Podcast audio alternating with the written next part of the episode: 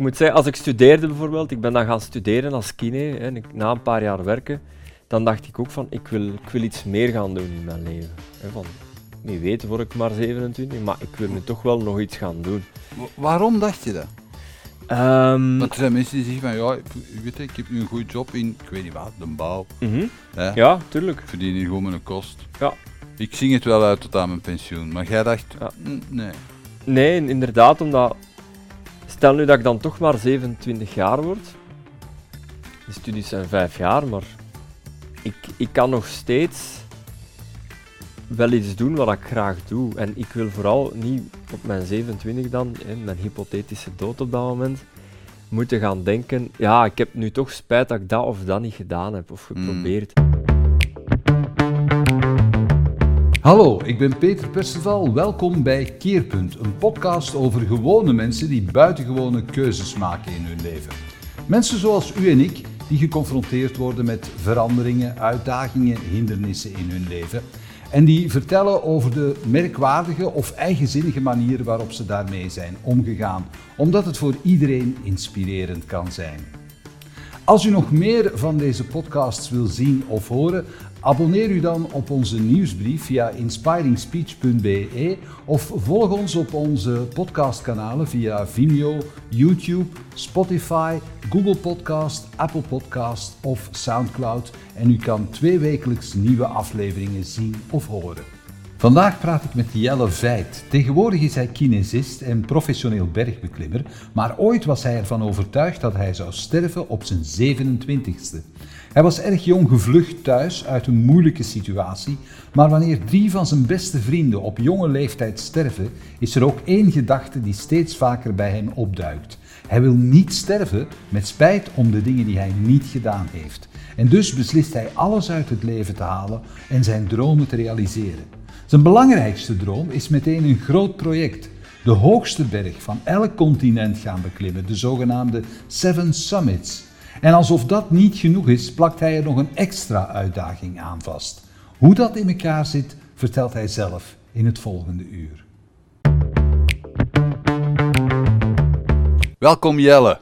Dag Peter, merci. Jelle, ik, ik vind het een beetje, een beetje moeilijk, hoe moet ik u eigenlijk noemen? Moet ik u avonturier noemen? Moet ik u ontdekkingsreiziger noemen? Wat, wat, wat ben jij eigenlijk? Ehm, goh, ja, ik, ik, vind, ik vind dat ook een moeilijke titel, laten we het zo zeggen. Ik, ik vind mijn eigen nog altijd gewoon de Jelle. Ja. Eh, dat vind ik het belangrijkste. Dat, dat, ik vind mijn eigen nog altijd een, een gewone mens.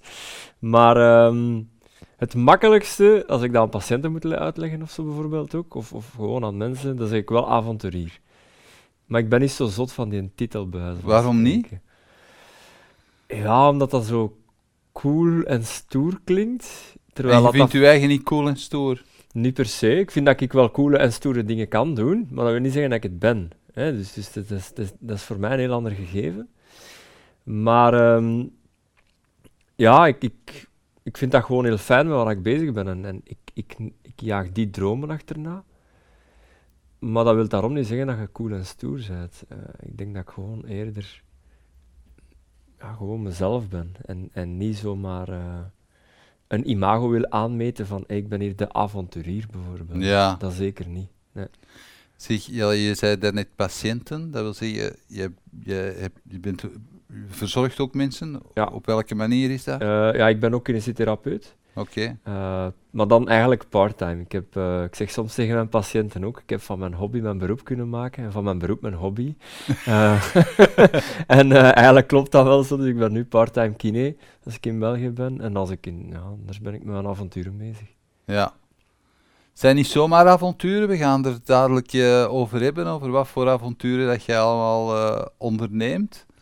Maar ik die avonturen die komen niet uit het niets, het is niet zomaar Mhm. dat je dat doet en dat verhaal gaan we vertellen. Ja. De, de reis van de Keerpunt podcast begint altijd bij de vraag, wat was jij voor iemand toen je 15, 16 jaar was? Ehm, ja, Ik dat is al direct, dat is alles. dat direct los erin. Ja, dat is inderdaad. Dat, eh, ja, eerlijk gezegd, ik denk voor veel mensen die mij kennen, denk dat die nog steeds hetzelfde idee gaan hebben over wat voor iemand dat ik ben, de persoon, de normen en waarden die ik aanhang, dat die nog steeds dezelfde zijn. Dus ik ben op dat vlak niet zoveel veranderd, denk ik. Maar ja, ik was wel, als ik 15 was, 16 jaar, een punker, groene anekam. Uh, ik zat in een heel moeilijke situatie thuis, met een echtscheiding van mijn ouders en zo. Waardoor ik uiteindelijk op straat beland ben ook. En je was bij je moeder of bij je vader? Bij beiden. Die waren aan het scheiden toen. Dat is een heel lange periode geweest. Oké. En, wat, was er, wat was er problematisch aan die scheiding, dat je op ehm, straat bent beland? Ja, er, er zijn verschillende dingen gebeurd. Mijn moeder heeft ook eh, een paar zelfmoordpogingen uh, gedaan toen als ik jong was, mhm. waar ik dan ook bij was bijvoorbeeld. Um, maar daarbij ook... Uh, ja, maar wacht, ja, je gaat er nu heel licht over. Ja. Maar ja, ik bedoel, je moeder die een zelfmoordpoging onderneemt, mhm. waar je bij bent. Ja. Jij hebt haar dan gevonden, of wat? ja, dat is ook eens gebeurd. Dat ik haar gevonden heb en dan eigenlijk zo hulp moeten gaan zoeken, naar de dokter bellen, het ziekenhuis. Ja. Om, om als 15-jarige gast uh, ja, te zorgen dat hij dat overleeft. Of, of in halve paniek uh, zo'n dingen mee te maken, natuurlijk.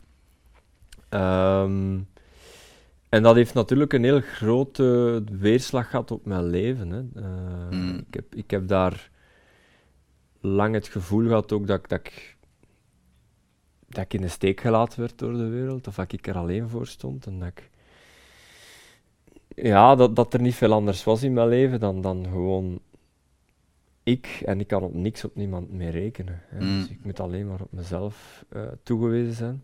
En dat heb je dan ook radicaal gedaan? Ja, ja dat heb ik ook gedaan. Uh, en ik, ik denk niet dat dat volledig gewaar is dat dat zo was, maar dat gevoel had ik vooral. Mm -hmm. En dus ik heb dat dan inderdaad ook radicaal gedaan. Dan heb ik ook gezegd van kijk, uh, ik kan die situatie niet meer aan, ik ben weg.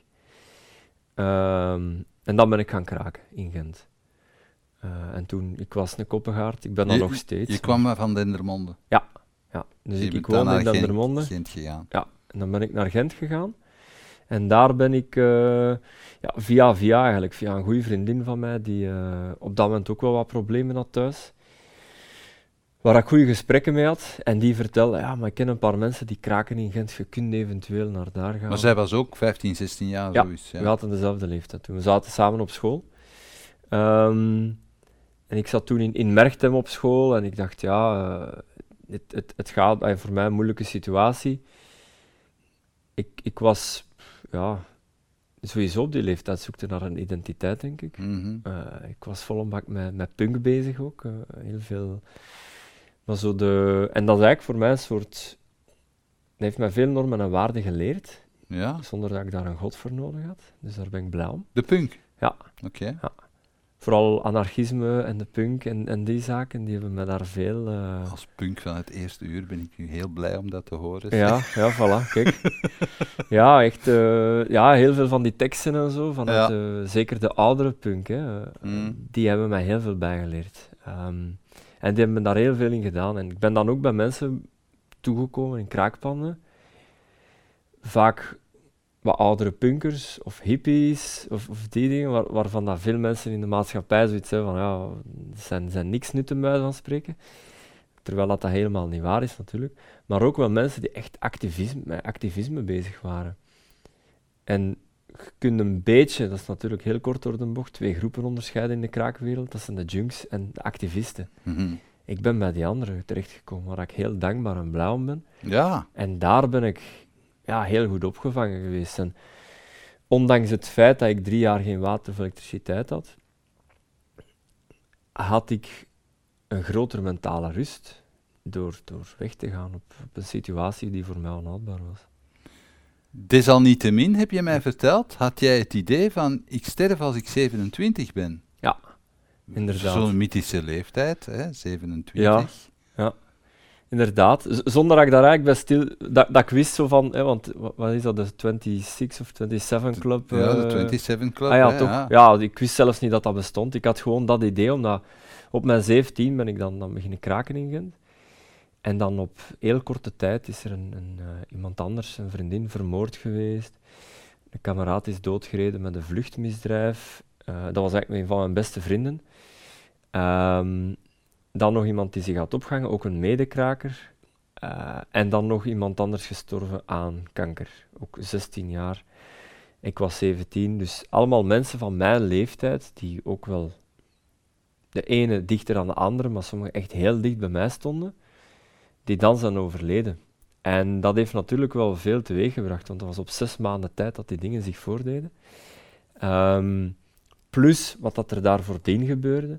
En dat heeft ervoor gezorgd van, ja, kijk, ik, ik ga echt gewoon niet, niet lang leven. Uh, dat, dat, dat kan niet gewoon, dat dat voor mij bestaat, zoiets. Want ik zie zoveel dood in mijn leven, zoveel dingen die ik meemaak, dat dat, dat gewoon niet kan, dat ik nu nog 60 jaar ga worden. Dat is onmogelijk voor mij. Dat is een idee dat in mijn hoofd zat. Maar wat deed dat dan met je? Want je, allee, je zou redelijk kunnen aannemen dat je op, op zo'n moment zegt van oké, ik word toch maar 27 jaar, ik ga nu alles slikken en snuiven en spuiten en, en zuipen en weet ik wel al dat je kunt doen.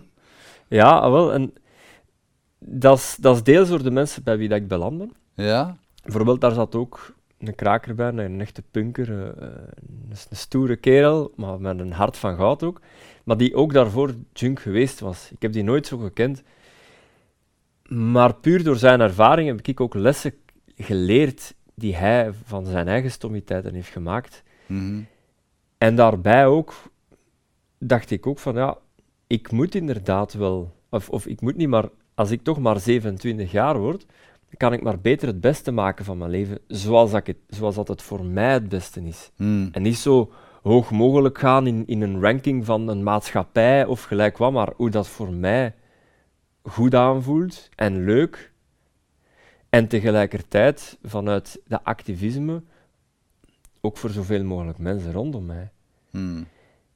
En daarom denk ik, is dat, is dat een heel groot contrast geweest van te zeggen, ja, ik ga inderdaad niet gaan slikken, gaan snuiven, gaan spuiten, al die dingen doen, maar eerder van, ik ga hier echt proberen iets te gaan doen met mijn eigen leven, proberen dat zo leuk en, en ja, zo leuk mogelijk te maken, want het is superleuk, hè, het leven. Ik vind dat zalig.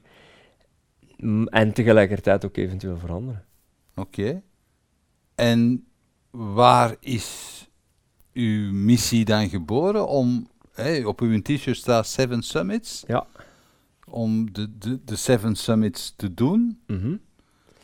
Waar is dat, waar, waar, komt, waar is dat geboren dan? Um, ja, dat is, dat zo'n beetje later gekomen, denk ik. Of, of heel dat idee van die Seven Summits, laten we zeggen. Uh, ik denk wel de eerste keer als ik kraakte, zo eens met een paar vrienden naar Cap Griné gefietst. Een tandem geleend, met een paar andere vrienden, met de tent. We hadden ook niks, dat was gewoon vuilbakken van een supermarkt gaan open doen, dingen die over tijd zijn gaan, gaan uithalen okay. en opeten. Mm -hmm. En zo'n keer veertien dagen weg, en dat was een fantastische trip. En dan heb ik dat daarna nog eens, als ik, dus na dat kraken eigenlijk, of tijdens dat kraken, dan ben ik terug wat gaan beginnen werken. Wat deed je voor werk? Uh, ja, een beetje van alles. Ik heb nog in de Culture Club gekuist ook bijvoorbeeld, in Gent. uh, wat dat voor mij echt wel, uh, ja, 16, 17, ah ja, 17-jarige gast of zo, dan zondagochtend in de Culture Club gaan kuisen. Dat waren voor mij de rijke mensen die daar gingen gaan feesten. Ja, ja, ja. Um, Terwijl dat, dat voor heel veel mensen gewoon maar iets doodnormaal was, hè, de Culture Club. Hm. Maar vanuit mijn standpunt niet. Maar dan, ja, kuisen en dan ben ik ook uh, naar in de bouw gaan werken. En zo koelingindustrie, onderhoud. Um, om dan uiteindelijk ook iets meer te gaan denken van, ja, kijk, kan ik nog iets anders gaan doen in mijn leven? Ga, ga ik geen spijt hebben binnen Maar je ging jaar? ondertussen ook nog naar school? Ja, ik ben nog naar school gegaan. Ja. Mm. De eerste maanden niet, als ik ben beginnen kraken. En dan dacht ik, ja, misschien moet ik toch eens gaan, eens gaan school zien hoe dat is. Ja, ja, ja. Dan... En uiteindelijk heb ik, heb ik dat dan toch gedaan. Ehm, ja, en waarom juist? In welke school heb je dan gezeten? Uh, in de SKI, dat is in, uh, in Gent, de Ottogracht. De Ottogracht. Ja, ja, inderdaad. Ja. Hebben mijn zonen ook gezeten. Ah ja. Oh, wel, ja, voilà, dan, uh, en daar heb ik eigenlijk zo wat fotografie gedaan, zo, Ja. toen nog analoog. Zo, wat fotografie. Ja, zo'n beetje van die. Eh, ik vond dat heel fijn, hè. dat was analoog en de, don- de donkere kamer en zo. Eh, maar ik ben ook blij dat ik dat toen nog gedaan heb, die school. Hm. Eh, omdat ik ook, ja, als je dan toch gewoon als je dan kraakt en je bent 17 jaar, het is niet dat je kunt zeggen, ja, ik ga overdag gaan werken of zo. Dus ik wou ook wel nog iets, een hele dag ergens stilzitten, niks doen, ja, dat ligt ook niet gewoon in mijn, dat ligt echt niet in mijn hart. Hmm. Dus dan dacht ik ook van, ja, ik ga wel naar school, maar ik wil iets doen waar ik dan zelf voor kies. Hmm. En niet van, ah ja, mijn ouders verwachten dat ik wetenschappen wiskunde ga doen of zo. Nee, nee, ik wil iets gaan doen waar ik een voldoening kan uithalen en creatief kan bezig zijn met iets. Ja. Ehm, en dat was daar voor mij geschikt eigenlijk. Ja. Oké. Dus maar we waren naar die Seven Summits aan het gaan. Ja, Wacht eens even, le- lees eerst uit voor de mensen die dat niet weten wat dat is, Seven Summits. Ehm, ja, wel, ja. De, de Seven Summits ehm, is eigenlijk een soort project van, van bergbeklimmers, waarin dat ze op elk continent de hoogste berg gaan beklimmen. Ja, bij mij is dat een beetje verextreemd, laten we zeggen. Eh, want dat klinkt al redelijk extreem voor de meeste mensen. Ehm, maar ik wil dat eigenlijk gaan doen zonder een motor te gebruiken tot aan die berg, vanuit Dendermonde dan, van waar ik oorspronkelijk ooit vertrokken ben, en dan die berg te gaan beklimmen. Eh, dus dat houdt in dat ik dan fiets, stap, roei of zeil telkens naar de hoogste berg van elk continent, om dan die berg te gaan beklimmen. Dus het onderweg zijn is in mijn geval veel uitgebreider dan eh, de top zelf te bereiken. hoeveel summits heb je al gedaan? Eh, ik heb er nu vier van de zeven gedaan. Eh, dus dat wil zeggen, ik heb de Elbrus, dat is de hoogste berg van Europa, de Everest, de hoogste berg van Azië, de Karsenspyramide, dat is de hoogste berg van Oceanië, en dan de Kilimanjaro, de hoogste berg van Afrika gedaan. Maar dan inderdaad telkens naartoe gefietst en geroeid om naar te geraken. Of kajakken, eh, afhankelijk van de... Excuseer, hoe raak je zonder motor in Oceanië? Ehm, wel, niet gemakkelijk. dat, eh, dat is een van mijn zwaarste eh, tochten geweest. Dus dat, dat was fietsen naar Indonesië. Ja, En dan van Indonesië ben ik geroeid, eh, echt van eiland naar eiland, zo naar Papua.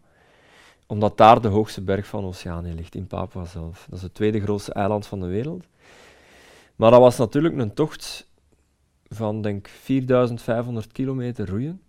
En dat heeft mij toch zes maanden gekost in totaal om te roeien. Eh, dus enkel het roeigedeelte. Dus het fietsen en het roeien bij is natuurlijk nog veel meer, maar het uitvoeren, het plannen, alles daaromheen om tot aan die berg te geraken, heeft 2,5 jaar gekost. Elke dag van mijn leven. Om uiteindelijk op dat, hoog, op dat hoogste punt van Oceanië te kunnen staan. Ehm, dus dat is wel wat toewijding dat daarvoor nodig is. Maar uiteindelijk ben ik wel blij dat dat gelukt is. Maar ik heb daar veel spijt van gehad als ik daarmee bezig was. dat, eh, dat kan ik mij voorstellen. dat dat, je eh, zo aan het roeien zei, wat ga ik morgen doen? Nog eens roeien? ja, ja, ja, ja. Ja, je kunt echt niet. eh, Ja, het is. ah, ik, moet dat, ik moet echt toegeven ook gewoon. Dat dat, want dat lijkt soms, als ik dat ook vertel, hè, want ik vertel dat puur vanuit mijn wereld. En mij is dat van, ah ja, ik kan een keer roeien, ik kan een keer 100 kilometer roeien. Ehm, maar dat is 20, 30 uur roeien zonder slapen. Ja, daar hallucine- op een duur hallucineert je, zeker in 50 graden Celsius. Je hebt niet veel eten, je hebt niet veel drinken. Dat is hard, eh, sowieso. Eh, je kunt daarin doorbijten, je doet dat ook, dat moet wel. En, en soms denkt je ook van, wat doe ik hier nu allemaal en, en, en waarom? Eh, maar dan uiteindelijk haalt je dat wel en, en dan beseft je wel, wel waarom dat je dat doet. Of, ik heb, Maar, dus we waren, we, want we, zijn, we hebben nu een enorme sprong gemaakt. Ja. Hè, dat ligt ook aan mij natuurlijk, maar je, dus, we zijn, je zijn aan, je komt van het SKI, je bent een kraker. Mhm. Je denkt van, ja, ik moet toch ook een beetje beginnen werken in mijn leven. Ja. Hoe ga je van daar naar, ik ga 4500 kilometer roeien Ja, naar Ja. de hoogste berg van Oceanië? dat is, dat, dat is wel een heel stappenproces. En, en ja, ik moet zeggen, als ik studeerde bijvoorbeeld, ik ben dan gaan studeren als kine, en ik, na een paar jaar werken, dan dacht ik ook van, ik wil, ik wil iets meer gaan doen in mijn leven. Hè, van, wie weet word ik maar 27, maar ik wil nu toch wel nog iets gaan doen. wa- waarom dacht je dat? Want er zijn mensen die zeggen van, ja, ik, weet ik heb nu een goede job in, ik weet niet wat, de bouw. Hè? Ja, tuurlijk. Ik verdien hier gewoon mijn kost. Ja. Ik zing het wel uit tot aan mijn pensioen. Maar jij dacht, Ja. "Mm, nee. Nee, inderdaad, omdat... Stel nu dat ik dan toch maar 27 jaar word. De studies zijn vijf jaar, maar ik, ik kan nog steeds wel iets doen wat ik graag doe. En ik wil vooral niet op mijn 27 dan, in mijn hypothetische dood op dat moment, moeten gaan denken, ja, ik heb nu toch spijt dat ik dat of dat niet gedaan heb of geprobeerd. En voor mij lag dat dan niet bij een bepaalde druk gaan proberen, maar bepaalde zaken in het leven gaan aftasten uit de nieuwsgierigheid. Hey, gaat dat lukken als ik dat probeer of niet? Dat is een beetje met een berg beklimmen ook. Ik ga een berg beklimmen om te zien, kan ik dat? Als dat niet gaat, ja, ik heb het geprobeerd, maar ik heb die vraag wel beantwoord. En dus ik wil niet telkens met die vraag blijven zitten. En daarom ben ik ook gaan studeren van, kijk, gaat dat lukken? Is dat interessant? Of, of is dat iets dat voor mij is? En ik heb, ik heb die vraag willen beantwoorden. Om dan uiteindelijk ook te, de, een soort spijt te gaan voorkomen op latere leeftijd. Mm. Dus om te zeggen van, lukt dat? Is dat mogelijk voor mij? En daardoor ben ik gaan zoeken. Dan, dan, ik heb dat antwoord gevonden. En ik heb gevonden dat dat mij heel goed ligt zelfs, die kine. Uh, ik vind dat een super interessante studie. Ja, vind je er leuk aan? Um, ja, dat heeft veel aspecten. Dat is um, ja, voor mij sowieso. Ik ben, ik ben wel in een, een sportachtergrond opgegroeid. Dus sowieso het menselijk lichaam en hoe dat, dat reageert met sportprikkels. Dat is altijd heel interessant.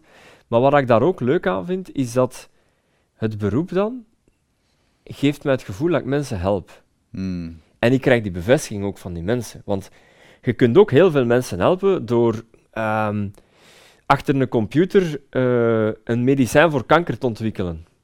Bij wijze van spreken. Maar daar krijg je geen directe feedback voor, bij wijze van spreken. En dat vind ik juist heel leuk, die menselijke interactie. Dat is gewoon iets dat in mij ligt.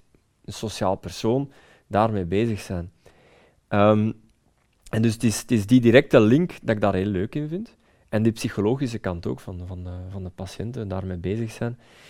Met, met te zien ook waar, waar iemand mee, mee, mee zit of zo. Mm. Zo van die kleine zaakjes. Dat maakt het ook boeiend. Dat maakt het ook boeiend op al mijn tochten bijvoorbeeld. Dus, Mm. dus het, het, het is niet gewoon eh, zomaar iets doen. Ik vind dat er altijd een, een sociale kant in zit. Dan, dan maakt het voor mij altijd interessanter. Ja, Met mensen babbelen onderweg. ja, ja zeker. Je was, maar desalniettemin heb je die keuze gemaakt. Hè? Want je hebt mij eens verteld dat je, je bent eigenlijk, je mocht dat zeggen, je bent goed als kinesist. Hè? Mhm, Denk het. Ja. dus je kreeg ook eh, een heel lucratieve aanbieding om, om sportkinesist te zijn. Mhm, Ja, ja, inderdaad. Ehm, Jij kon bij wijze van spreken zo u wat amuseren met wat voetballers en dan Ja. achteroverleunen.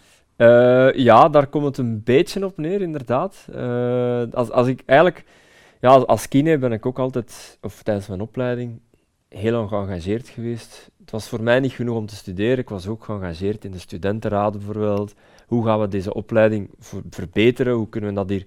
Dat was voor mij een engagement dat ik aanging. En daardoor kreeg ik natuurlijk ook meer contact met de proffen. En op een gegeven moment vraagt een prof ook, ja, als ik bijna afstudeer, wilde jij meegaan naar Qatar, want ik ga naar daar. Eh, je kunt daar doctoreren, dat ging over veel geld verdienen.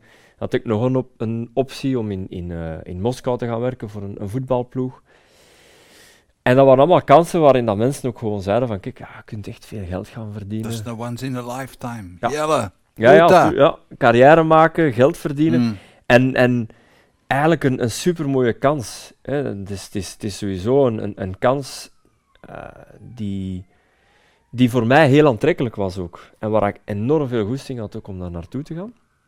Maar tegelijkertijd was er dan een vriend van mij die half Belg, half Nepalees is. Zijn moeder is Belg, zijn vader Nepalees. En die wonen ook allemaal in Nepal. Mm. En hij wou teruggaan naar Nepal om daar een kinepraktijk op te richten. En hij vraagt aan mij, kijk, tijdens dat afstuderen, ongeveer diezelfde periode, je kan naar Nepal als je goesting hebt, je kunt altijd op vakantie komen, of ik ga daar gaan werken als kine, je moet altijd komen werken.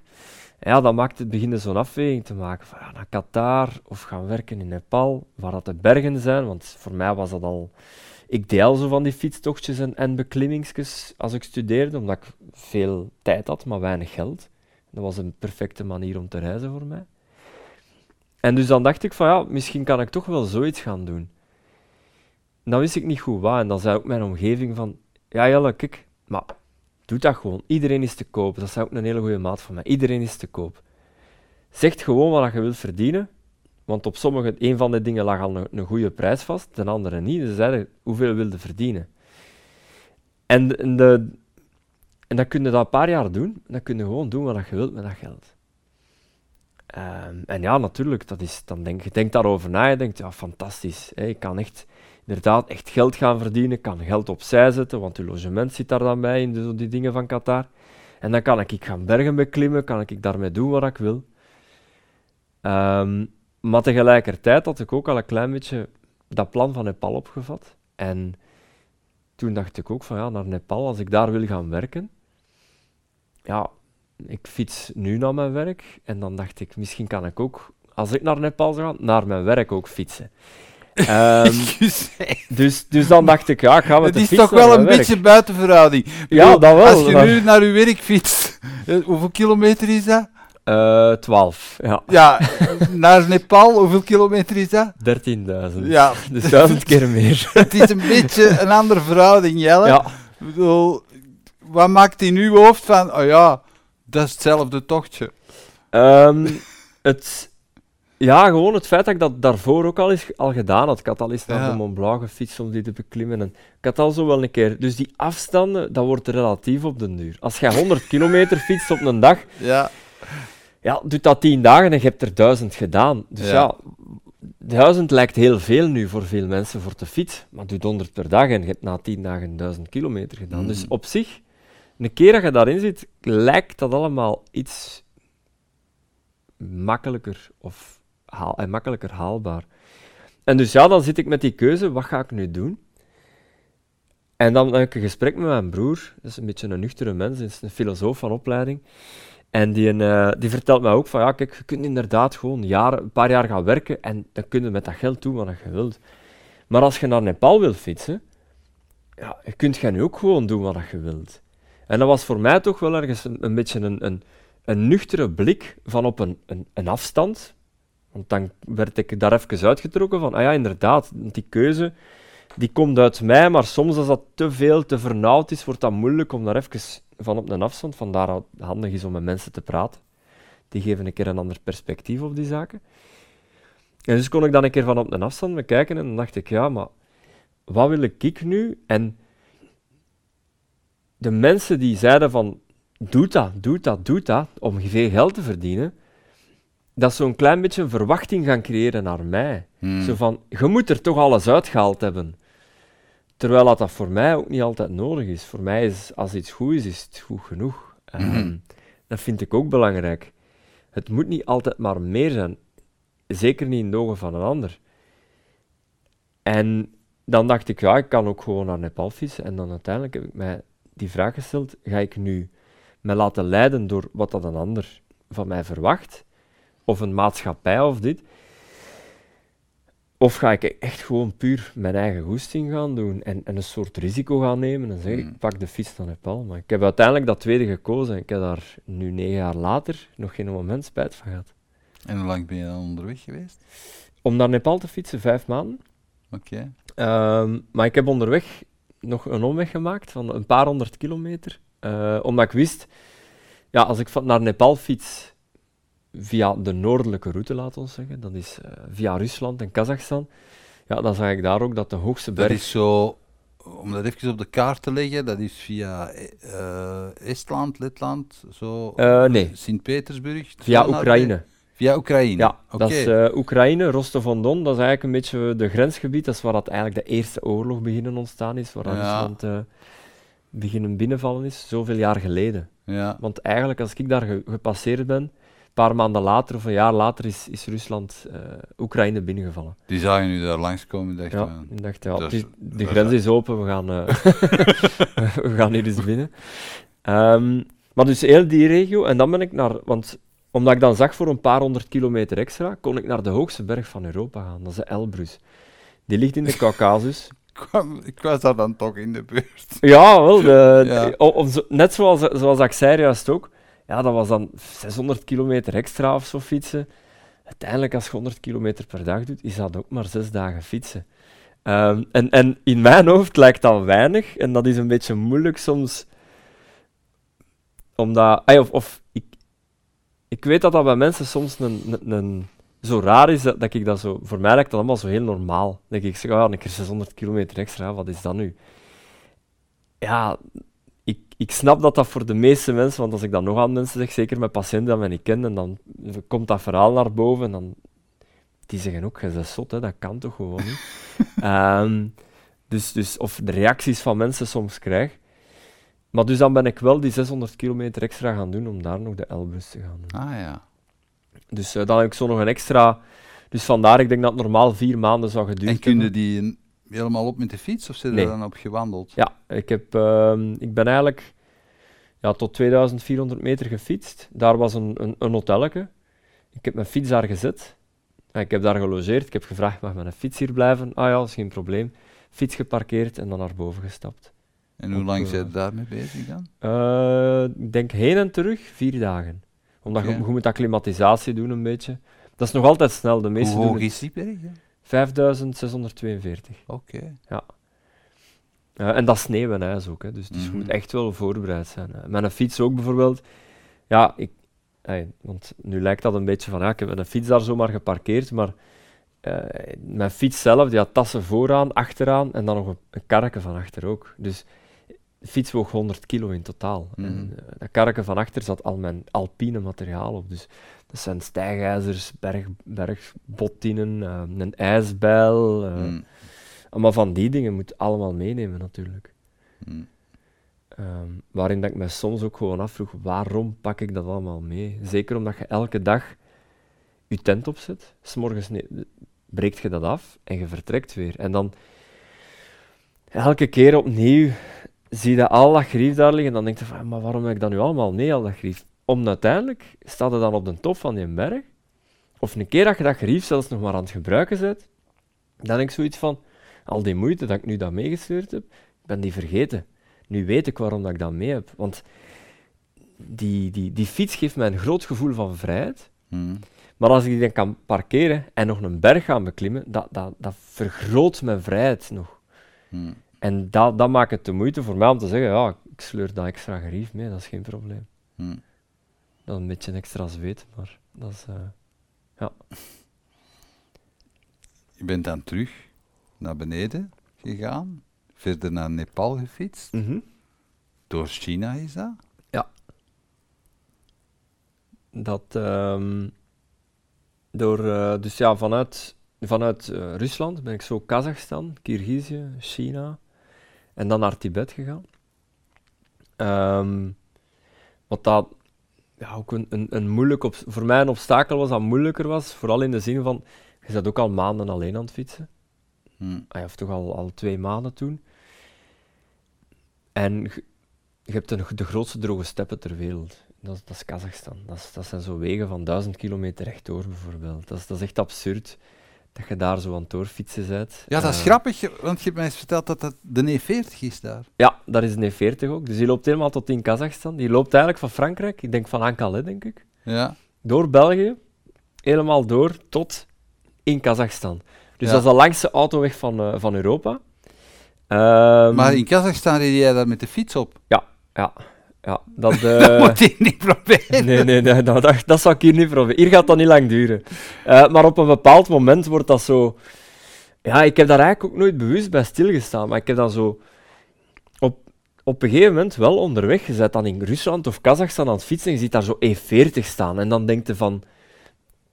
Zo op een of ander plakkaat... En dan denk je, maar dat is E40, ik bedoel, hè, dat is grappig, wij hebben ook een.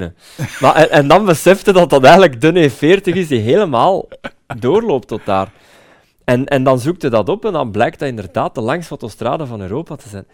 Maar, dat is, ey, of autostrade, autoweg, Ja. zo zeggen, want dat is niet overal een autostrade, waardoor dat je daar met de fiets wel kunt rijden. En ik heb zo nog een foto ergens, waar ik met een fiets parkeer en er staan zo kamelen op de achtergrond.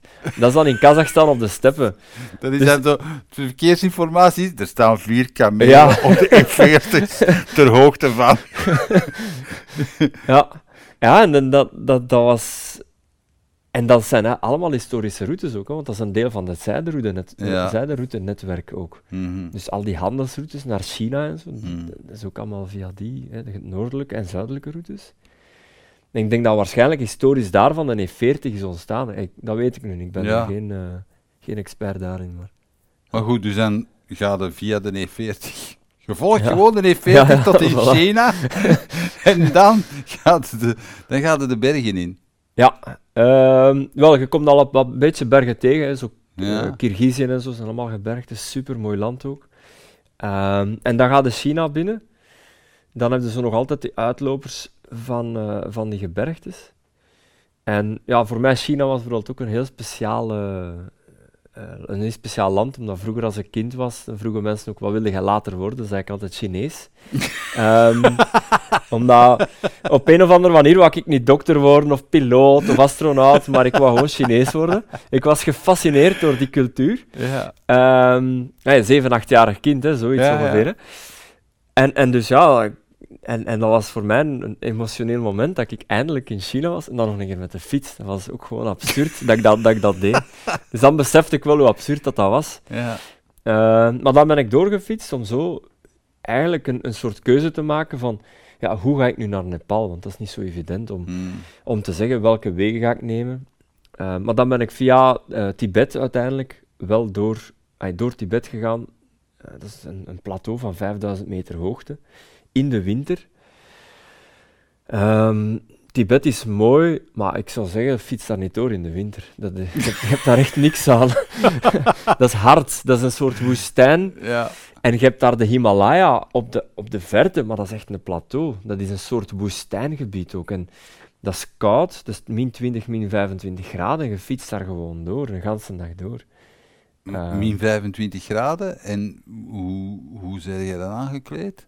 Ja, dat, en, en daarom was ik ook blij dat ik al mijn alpine materiaal mee had. Want ik Ja. heb echt zo dons, hand, dons wanten aan. Wanten die ik ook aan had om de Mount Everest te beklimmen bijvoorbeeld. Echt zo'n dikke dingen, omdat als je aan het fietsen zet, je gebruikt je wanden niet zo. Dus ja, die moeten echt warm blijven. Hè. Mijn, mijn berg, ay, mijn echte zware klimschoenen. Ehm, Heb je onderweg nooit fysiek problemen? Dat je zegt van oh, mijn spieren of mijn, mijn rug Weinig. of gat eh, of... Nee, ja, ik, ja, zo'n keer nu en dan dat, je zegt, ja, je gaat dus zeer of zo, maar uiteindelijk, ik heb die ervaring ook al, dat ik weet, als er een irritatie van mijn huid ontstaat of zo, dan weet ik, ah ja, ik moet daar dat of dat aan doen. En zo, de kleinste irritatie dat ik krijg bijvoorbeeld van, van, van mijn huid, tussen mijn billen of onder mijn oksels van, van troeien, dan weet ik, ik moet daar nu iets aan doen. Ik moet dat niet laten komen tot als dat echt een irritatie is. Dat is zoals met een blijn bijvoorbeeld ook. Als, als je voelt dat je een blijn begint te krijgen, doe daar nu iets aan, want je wilt niet dat dat een blijn wordt. Hmm. Dat is, dat is en dat is een beetje hetzelfde met, met lichamelijke zaken. Hè. En dat is het voordeel dat, ik- dat ik als, als kine eh, opgeleid ben. Als ik aan het fietsen ben, dan ben ik ongeveer om de dag doe ik oefeningen om blessures te gaan voorkomen. En om mijn bovenlichaam ook intact eh, of, of ergens sterk te houden. Want Het zijn een stabilisatieoefening. stabilisatieoefeningen voor mijn rug, mijn romp, ook mijn armen en mijn benen. ja. Want ik moet daarna nog gaan klimmen bijvoorbeeld. En dan, Mm. als je altijd maar fietst, mijn armen zijn niks meer waard. Ja, ik moet zien dat ik toch nog wel een bepaalde kracht heb op, eh, op andere dingen ook. Hmm. Ja. Dus of ik vind een boom en ik, ik trek me daar wat aan op. En, eh, en dan kan ik 160 kilometer fietsen op een dag en dan zet ik mijn tent op en zit ik daarvoor mijn tent nog wat oefeningen te doen als een zot. Ehm, maar dat is wel belangrijk. En, en ik vind dat toch, omdat ja, wat dat ik doe is niet, ik beklim niet zomaar een, ey, of niet zomaar, dat is, veel, dat, is, dat is ook niet waar, maar het is niet dat ik enkel een berg beklim, maar ik, ik, dat is een beetje de, de, zoals een tienkamper, die moet ook alles, van alles een beetje kunnen. Dat is, dat is niet de snelste 100 meter loper in de wereld, Hmm. maar die moet van alles een beetje kunnen en, en daarin uitblinken, in die combinatie van die zaken. Ik denk dat dat een beetje gelijkaardig is aan wat dat ik bezig ben. Ik moet echt heel veel bezig zijn met een, een all-around gegeven. Hmm. En niet één specifiek eh, deel van mijn voorbereiding. Maar goed, je bent dus eh, onderweg met de fiets en je gaat naar de Mount Everest. Mhm. En je zegt al, ik kom daar in de- midden in de winter aan. Kun je daar dan zomaar op? Eh, nee, nee. Maar het, het, ja, in de winter zou je nog kunnen klimmen, dat is ooit al gebeurd en zo. Maar het beste seizoen voor de Mount Everest is april, mei. Dat je dan zo'n soort jetstream hebt die zich gaat keren. Dat zijn de ideale momenten om boven die 8000 meter te gaan. Mhm. Dus ik ben in Nepal toegekomen. Was voor mij ook echt een openbaring. Dat was, eh, ik zat al een maand en een half, denk ik, in Tibet, of heel de regio toch. Eerst woestijn door, de Taklamakan-woestijn, dan Tibet door. Dus dat is echt een, een regio voor zes weken, denk ik.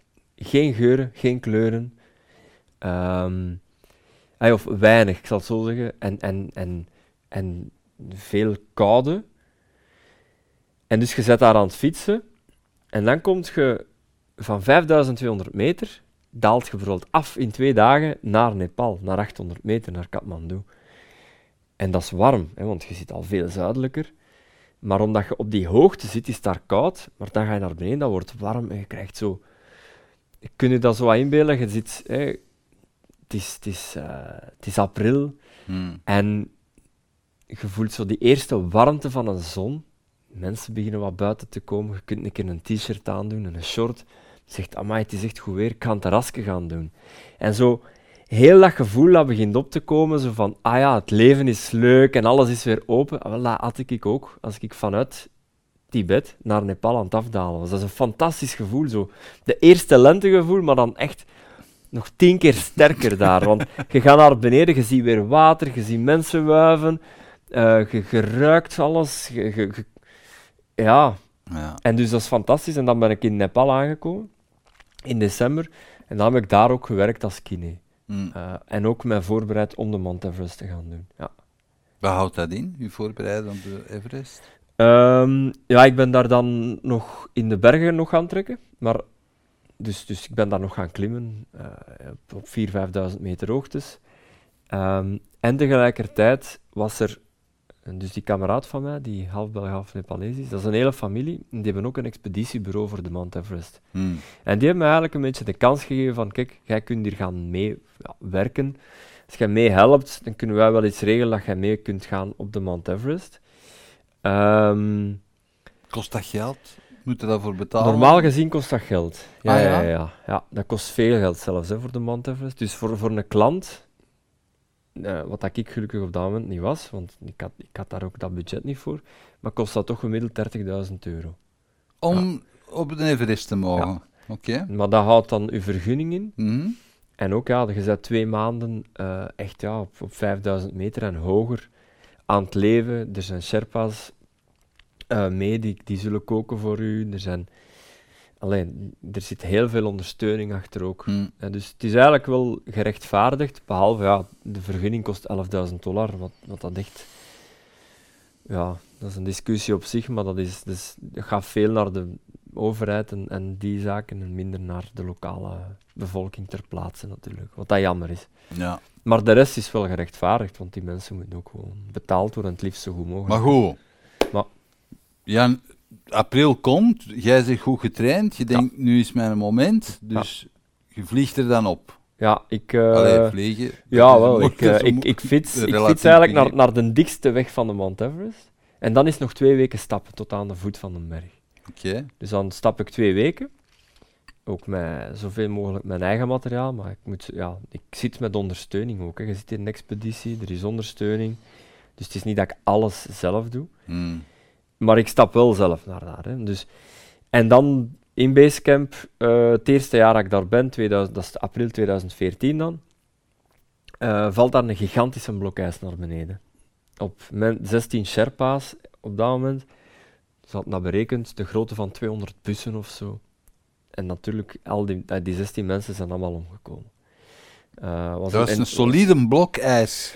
ja, laat ons zeggen, een, een serac noemt dat. Een serac is, is een soort deel op het einde van een gletsjer dat afbrokkelt. En, en dat is altijd moeilijk te voorspellen wanneer dat, dat gaat vallen. Een soort, Dat is met een, zoals een lawine, maar toch anders. Want Mm. lawine is van sneeuw en ijs en dat is echt een blok ijs. Hmm. Maar dat is dus gevallen op die, op die Sherpa's. Ehm, ja, die zijn daar al, uiteraard allemaal in omgekomen. eh, wat dat een enorme ramp was. En dat heeft er dan ook voor gezorgd dat er heel wat frustraties ook van de, van de Sherpa's op zich naar boven zijn gekomen. Die de jaren, in de jaren heen al zijn opgestapeld. En toen werd die een berg eigenlijk afgesloten. Toen was dat van, kijk, hier Gewoon gaat niemand meer niemand meer boven. naar Ja. boven. Ja, dat was heel duidelijk, hier gaat gewoon niemand meer naar boven. Ehm, en dan, ja, dat was voor mij ook gedaan. Hè. Dan, dan was het ook van, oei, ik ben nu naar hier gefietst en kan hier niet naar boven. Eh, dat was een, een, een enorme teleurstelling natuurlijk. Jezus Eh, Christus. en, en ja, dat is, dat is een moeilijke geweest, want ja, je bent daar echt al, ja, zoals ik zeg, je bent elke dag bezig met die tocht en de voorbereiding. Je wilt daar naartoe, je wilt in top gaan doen. Je voelt je klaar, fysiek, mentaal, en toch wordt dat ergens weggenomen. Dus dan eh, had ik niet veel keuze om terug te keren naar Kathmandu. Hmm. En daar eigenlijk een soort besef gekregen van, ja, oei, hier in Nepal ga ik ook niet zoveel geld verdienen. Ik had daar genoeg geld om, om wat te leven, maar dat is het ook. En ja, Mm. je visum gaat opgeraken en ja, je kunt daar niet oneindig blijven of je moet echt weer gaan dingen investeren en die zaken. Dus ja, dat is ook niet zo evident. Dan heb ik eigenlijk zo met mijn laatste geld dat ik nog op mijn rekening had, eh, gewoon gezegd, ja, ik ga naar België vliegen. Ik ga daar terug gaan werken. Eh, eerst even in een café gewerkt, dan als, een job als kine gevonden. Ehm, om dan toch te beslissen, het jaar daarna kreeg ik de kans om dat toch terug te doen, in 2015. Dus ik dacht, ik ga dat doen. Ik ga mijn maanden terug voorbereiden. Ik ga als kine werken, maar ik ga echt kaart trainen, kaart Ja. voorbereiden, om in 2015 terug naar Nepal te vliegen. Dat is dus mijn tussenpauze, ja, dan moeten we wel eens... Ik kan daar dan niet aan doen. En dan de Mount Everest te gaan beklimmen. Eh, en dus ja, zo doe ik dat. Vol energie, vol goesting, naar Nepal. Klaar om dat terug te doen. Zelfde situatie, ik ga naar Basecamp en we beginnen te klimmen. En een paar weken later, tijdens dat klimmen, want dat duurt even om de Everest te beklimmen natuurlijk. eh, je moet acclimatiseren voor de hoogte, Ja. er is weinig zuurstof in Ja. de lucht. Dus je lichaam heeft echt tijd nodig om aan te passen aan die, aan die hoogte. Als je dat niet doet, Ja. dan ga je gewoon dood. Dat is heel simpel. Als je nu naar 8000 meter gaat, dat gaat niet lang duren. Je moet echt je lichaam traag laten aanpassen. Ehm, dus door dat te doen, ja, dan neemt je moet naar boven, naar beneden, naar boven. Dus je doet zo van die tripjes, acclimatisatietochten noemen we dat. Ehm, naar, vandaar kamp 1, kamp 2, kamp 3, zo zijn er verschillende kampen. Ik kom terug vanuit een kamp, van kamp 2, na een acclimatisatietocht. Dat is op 6400 meter. Ik ga terug naar beneden. En dan plots krijg ik zo het gevoel dat je zo op een wank- wankele houten tafel staat en er begint iemand met te schudden. Dus een, een stevige aardbeving eigenlijk dat opkomt. En ja, ik, op dat moment denk ik ook, ja, het is allemaal in orde. Ik zit niet in een gebouw, ik ben veilig. eh, Maar ik je zit, staat wel in de Himalaya ja, ja, ja, ja, wel. tijdens een aardbeving. Ja, maar op, op dat moment denk ik dat gewoon echt het rationele van mij is: hier kan niks gebeuren, want ik, ik, ik, hier kan niks op mij terechtkomen. Ik zit, ik zit in basecamp. Ik, ik hang ook niet aan een bergwand of zo. Dus dat is een basecamp is een beetje, dat is geen vlakte, maar dat is wel wat grillig terrein, maar geen echt berg naast u in de directe omgeving. Dus dat heeft een grote buffer. Ik denk alles in orde. Maar toch is dat wat beangstigend natuurlijk, hè, want ja, dan Mm. geeft je het gevoel, ja, wat gebeurt er hier, je weet niet. Dus, ja. En op een gegeven moment roept er dan toch een, eh, een Sherpa, een kameraad van mij eigenlijk, die roept, oh, kijk achter u. en ik kijk achter mij en ik zie zo een gigantische wolk van sneeuw en ijs, maar echt meer dan 100 meter hoog, zie ik recht op mij afkomen. En ik weet nog dat ik, het eerste wat ik doe is gewoon pst, beginnen lopen. Want ja, je hersenen hebben even geen tijd om na te denken. Natuurlijk, je bent aan het lopen, je hebt weinig zuurstof, je hebt al dat klimmateriaal aan, eh, dat loopt niet zo makkelijk. Maar tegelijkertijd denk ik ook, of zelfs niet denken, ben ik zeker, hier raak ik niet van weg. Ik ben gewoon dood nu. Mhm. Dit is gedaan. Dat was een heel, of achteraf ook zo, om daaraan terug te denken, dat is een heel gek gevoel. Ik heb nogal een keer gehad dat je dus denkt van, ah ja, amai, het was, ik heb chance gehad. Hè, je kunt dat, iedereen heeft dat wel een keer gehad, denk ik. Of niet iedereen, maar gelijk op een autostraat ook, dat je een keer eh, verkeerd pinkt en dan dat je zal zeggen van, oei, ik heb bijna een ongeluk gehad tegen 120 per uur. Mhm. Kan dat ook fataal zijn natuurlijk. En dat is met zoiets kan dat ook, maar met dit was dat heel, ehm, ja, dat was, dat was zo zeker dat, dat, dat dit niet goed ging aflopen. Maar toch liep ik, toch ging mijn Mm. lichaam lopen. En dan ben ik eigenlijk naar een, een, een soort laagte gegaan in Basecamp. En dus zoals ik zei, dat is wat grillig.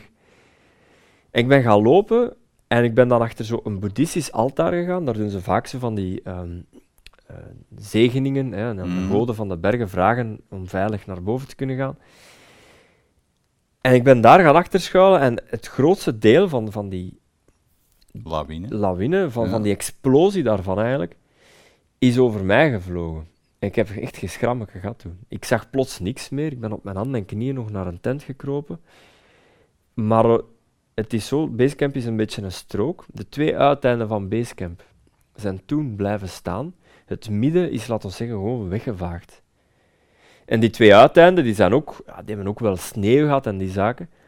Maar die, in dat één uiteinde ben ik naartoe gaan lopen. Ja. Daar ben ik, ja, op een of andere manier is dat de beste reactie geweest dat ik had. Want had ik gestaan waar ik stond, had ik misschien meegeveegd geweest. Hm.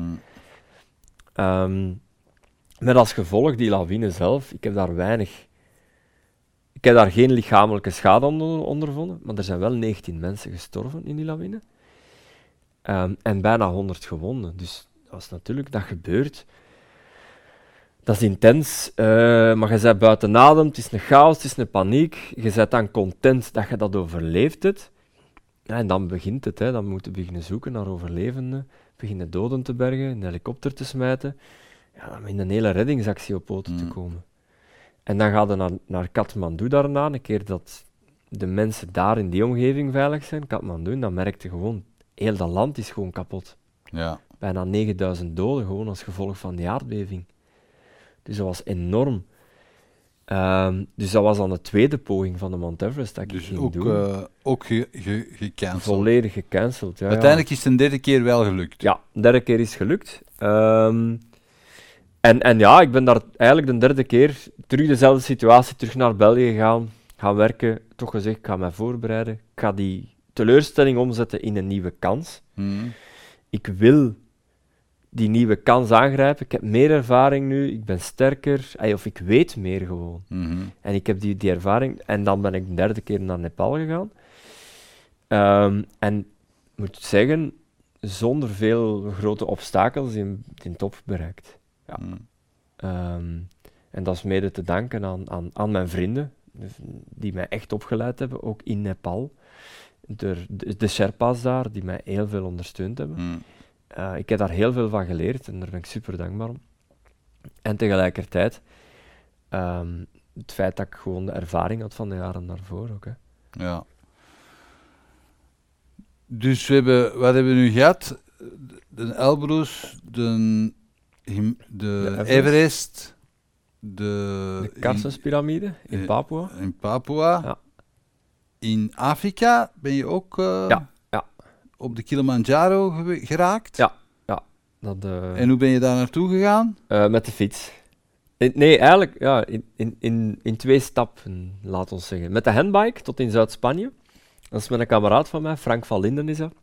En waarom dacht je ik ga ook eens met een handbike? Ah, wel, omdat die een, eh, Frank van Linden zelf, dat is iemand die, die, die heeft een spierziekte. Ja. En ehm, dat zo, via een sponsor was dat toen. En hij, hij had ook zo wat projecten dat hij doet, en dat is een spierziekte. Elk jaar wordt hij ja, wordt hij zwakker bij van Wat spreken. heeft hij? Eh, ataxie van Friedrich. Niet zo gekend. Nee. Ehm, maar het is eigenlijk, je kunt een beetje inbeelden, of het makkelijkste om te zeggen is, dat is iemand die zat is, die altijd maar zatter wordt, Ja, ja. ja.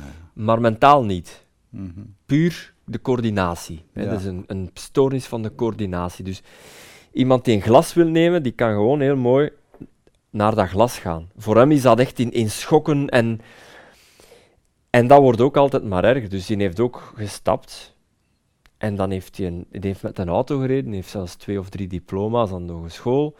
Dat is iemand met heel veel talent, een supercoole gast. Maar op een gegeven moment is dat toch, ja, dat is altijd iets afgeven. Mm. En super jammer, want ja, ik, wat, wat, wat ik die al zien doen, dat is fantastisch. Maar ja, hij- op een gegeven moment heeft hij toch nog een, een, een uitdaging. Dus hij, sinds dat hij in een rolstoel beland is, gaat hij elk jaar een uitdaging aan. En dat, dat- op een gegeven moment was dat van, kom, we gaan samen iets doen, we gaan een keer kijken. En dat was het ideale moment. Hm.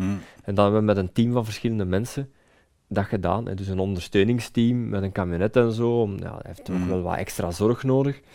Ehm, maar dan zijn wij naar het zuiden van Spanje gehandbiked. Eh, wat dat ook een super ervaring was. Want voor mij ook eh, heel inspirerend. Want ik dacht soms dat ik een doorzetter was tot als ik de Frank leren kennen heb. Dat, was, dat is echt, echt ja, dat, eh, die heeft dat, dat was nog wel een, een tikkeltje meer dan mij, eigenlijk gezegd. Dat is echt, ja. Dan denk, ik heb soms gedacht van, ja, nee, hey, deze gaat gewoon niet lukken, geef, geef het op. Ik heb dat niet gezegd, maar dat idee in mij.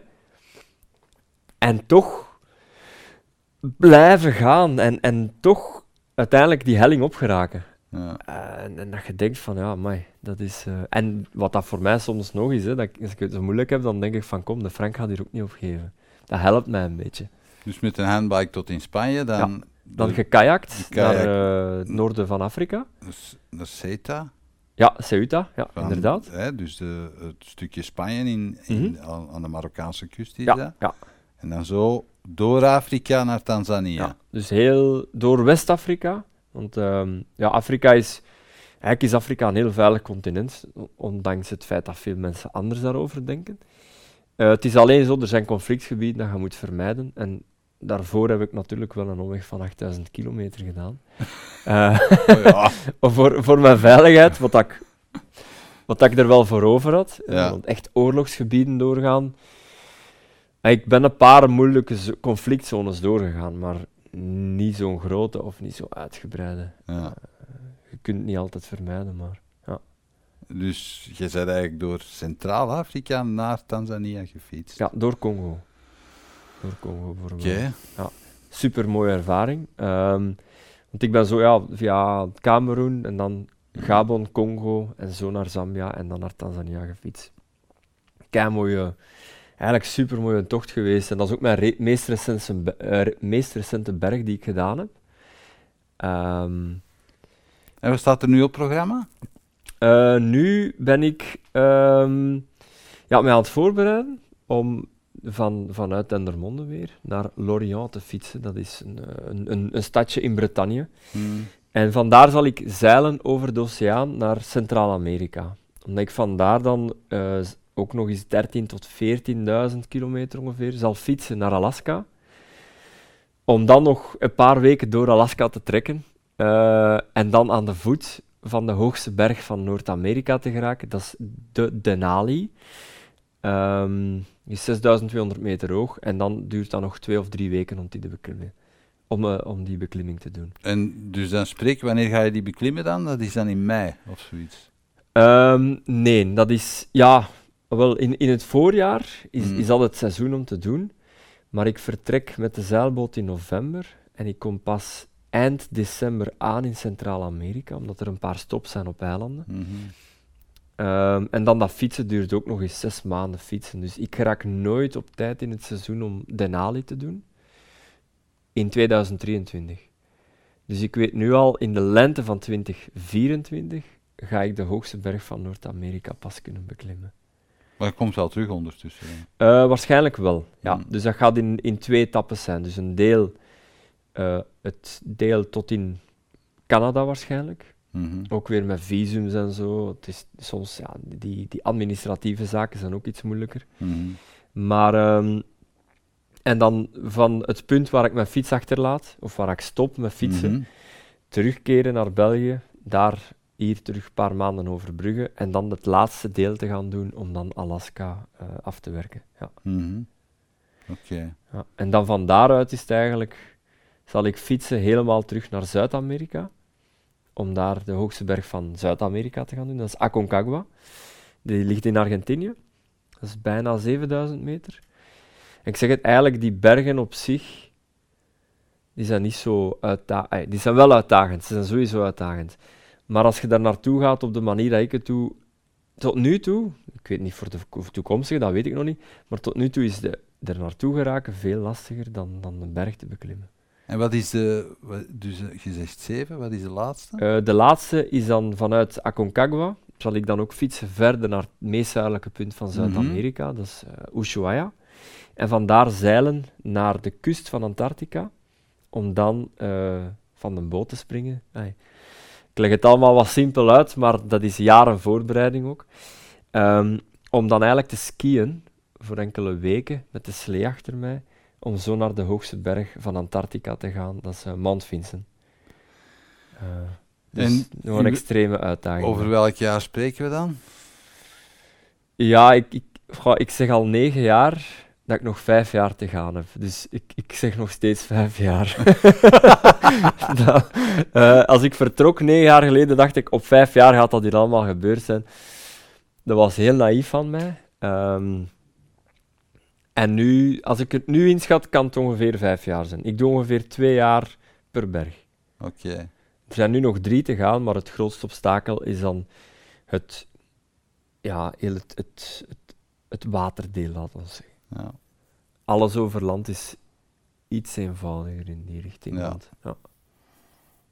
Toevallig is water wel het hoofdbestanddeel van de planeet. Ja, ja. Dat is dan een serieuze uitdaging. Ja, ja, ja, ja, ja. Zeker die oceanen. Het is, ehm, ja, ik ben vooral een landrat. Ik. Eh, ik, ik heb al, ook als ik naar Papua roeide bijvoorbeeld, wist ik, heb, heb ik daar echt ontdekt, zeeziekte is mijn grootste zwakte. Ja. Ehm, en vorig jaar heb ik ook al eens geprobeerd om de oceaan over te roeien. Ehm, en daar ben ik dan vanuit Portugal vertrokken om naar Miami te gaan. Ging drie maanden zijn op volle zee in een roeiboot. Maar eh, na 16 dagen heb ik met mijn twee vrienden die er ook bij waren, hebben wij moeten beslissen op, om in Tenerife te stoppen. Wat dat ook wel een prestatie is, vind ik. Maar daar zouden we toch moeten stoppen, omdat eh, ja, ik 16 dagen gewoon zeeziek was. Amai. Ik heb 16 dagen overgegeven. En puur voor de veiligheid hebben we Ja. gezegd van, wij moeten nu stoppen. Na 16 Eh. dagen heb je niks meer over. Nee, Oké. nee, nee, dus dan Hmm. wordt het gevaarlijk. Ja. Dus ja, je moet echt wel beslissingen pakken. We, hebben, we waren heel goed voorbereid, dus we hebben ook geen reddingsactie nodig gehad. En we zijn nog altijd heel goede vrienden, wat dat ook, ja, ook heel belangrijk is. We, hebben, eh, we zijn eigenlijk als, als goede vrienden op die boot gestapt Ja. en we zijn als betere vrienden ervan gegaan. Oké. En dat is wel een, een heel belangrijk gegeven geweest. En, en dat is een fantastisch team. Hè, op dat, op dat, Mm. nee. Want je bent meer dan een jaar bezig met die voorbereidingen. Dus, en ik voelde me heel schuldig naar hun, maar we hebben daar heel veel kunnen over spreken. En we hebben daar allemaal ons gedacht kunnen over zeggen. En eigenlijk is dat, eh, heeft dat alleen maar de dingen verbeterd. Wat leer je, wat zijn, wat, wat is zo de grootste les die je zo leert onderweg? Daar ben ik nu echt ongelooflijk nieuwsgierig naar. Ehm, goh, de grootste les is moeilijk te zeggen, want er zijn er wel veel. Ehm, en een van de dingen, maar dat is niet alleen onderweg, denk ik, dat is ook als ik kraakte, dat is, ehm, eh, of ik krijg, ik krijg die lessen onderweg ook. Hè. Als bijvoorbeeld, eh, ja, een van die voorbeelden dat ik, dat ik vaak aanhaal, is dat ik in, in Kazachstan eh, echt met een rot humeur wakker word in mijn tent. Ik ben al, al maanden alleen aan het fietsen en ik zit allemaal niet meer zitten. Ik ben het gewoon beu. In die eindeloze steppen, acht uur op mijn fiets te zitten en dan weer de dag daarna hetzelfde te doen.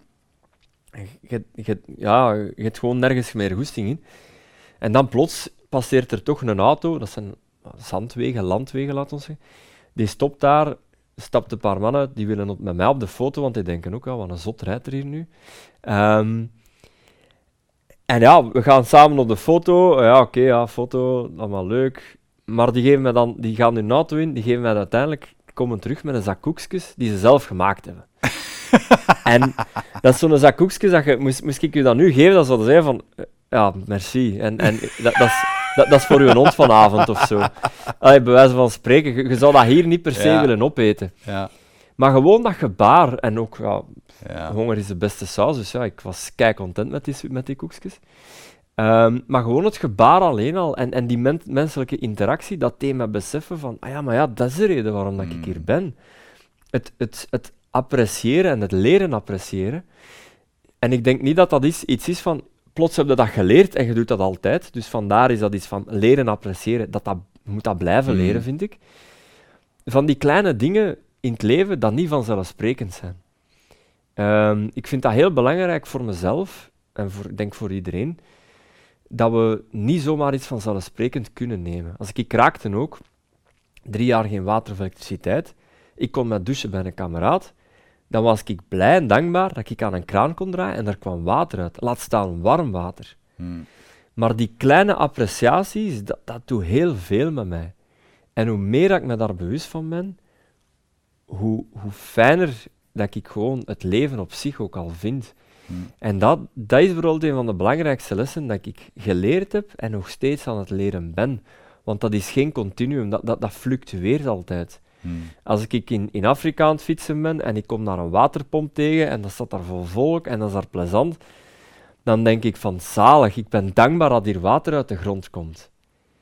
En dat is ook weer die les geleerd. Hmm. En dan kan dat zijn dat ik na een paar weken daar niet meer over nadenk en dan plots weer zo'n situatie tegenkom. Hmm. En dat is, dat is gewoon een, een, een heel dankbare les Hmm. van dankbaarheid op zich, Ja, dat, ja, ik- daarin geleerd heb. Ja. Jij nu zelf zou tegenkomen als getroubleerde jongere, 15, 16 jaar, zou je tegen je eigen zeggen? Ehm,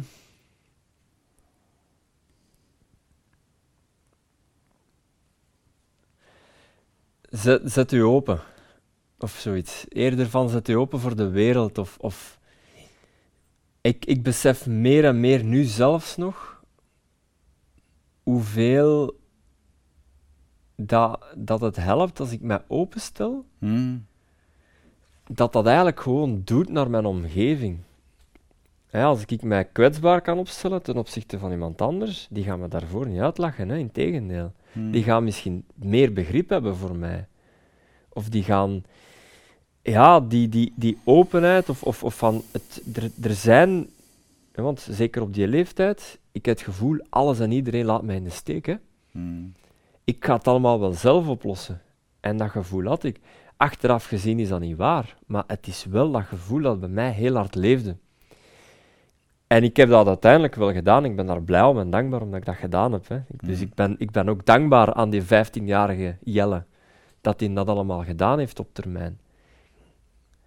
Maar wat ik daaraan zou tegen zeggen is van, kijk maar, laat dat maar toe. Hmm. Open, open nu maar. Ja. Ehm, en, en dat zijn gewoon maar al kleine kwetsbaarheden kunnen tonen ook. Bijvoorbeeld, zoals ik zeg met mijn vrienden, met die oceaanoversteek. Ik heb me daar echt schuldig over gevoeld, dat, dat dankzij mij die dingen... Je praat daar dan over, je opent nu dat, je gaat dat gesprek aan, en je, je toont die spijt, je, je kunt dat uiten, sorry, het is mijn schuld. En dan kun je zeggen, maar het is uw schuld niet, hè. Hij kunt er niet aan doen. Dat... Maar dan is dat gesprek daar. En anders hè, kan dat gaan beginnen botsen. Hmm. En daar gaan nooit als goede vrienden van die stappen. Mhm. Oké, fantastische, fantastische les. Hm. Bedankt Jelle. Ik denk eh, met uw avonturen, daar gaan we nog eh, veel eh, afleveringen mee kunnen vullen. dus als jij uw berg in Alaska hebt gedaan, dan gaan we nog eens babbelen. Graag. Te ja. zien wat voor lessen dat je daar allemaal uit Ja, wel. meegebracht hebt. En wie, weet toch, het is een docu-serie of zo. Ja, wel. Ik hoop het. zo de, de avonturen van Donkel Jelle. Ja. Wel, dat is een goed idee nog. Ja. Dat is goed. Bedankt om te komen. Graag gedaan. Bedankt dat je keek naar deze aflevering van Keerpunt. Wil je op de hoogte blijven van nieuwe afleveringen en nieuwe interessante gasten? Abonneer je dan op onze nieuwsbrief via www.inspiringspeech.be. Iedere twee weken brengen wij een nieuwe aflevering online op inspiringspeech.be, YouTube, Vimeo en Soundcloud. Tot ziens.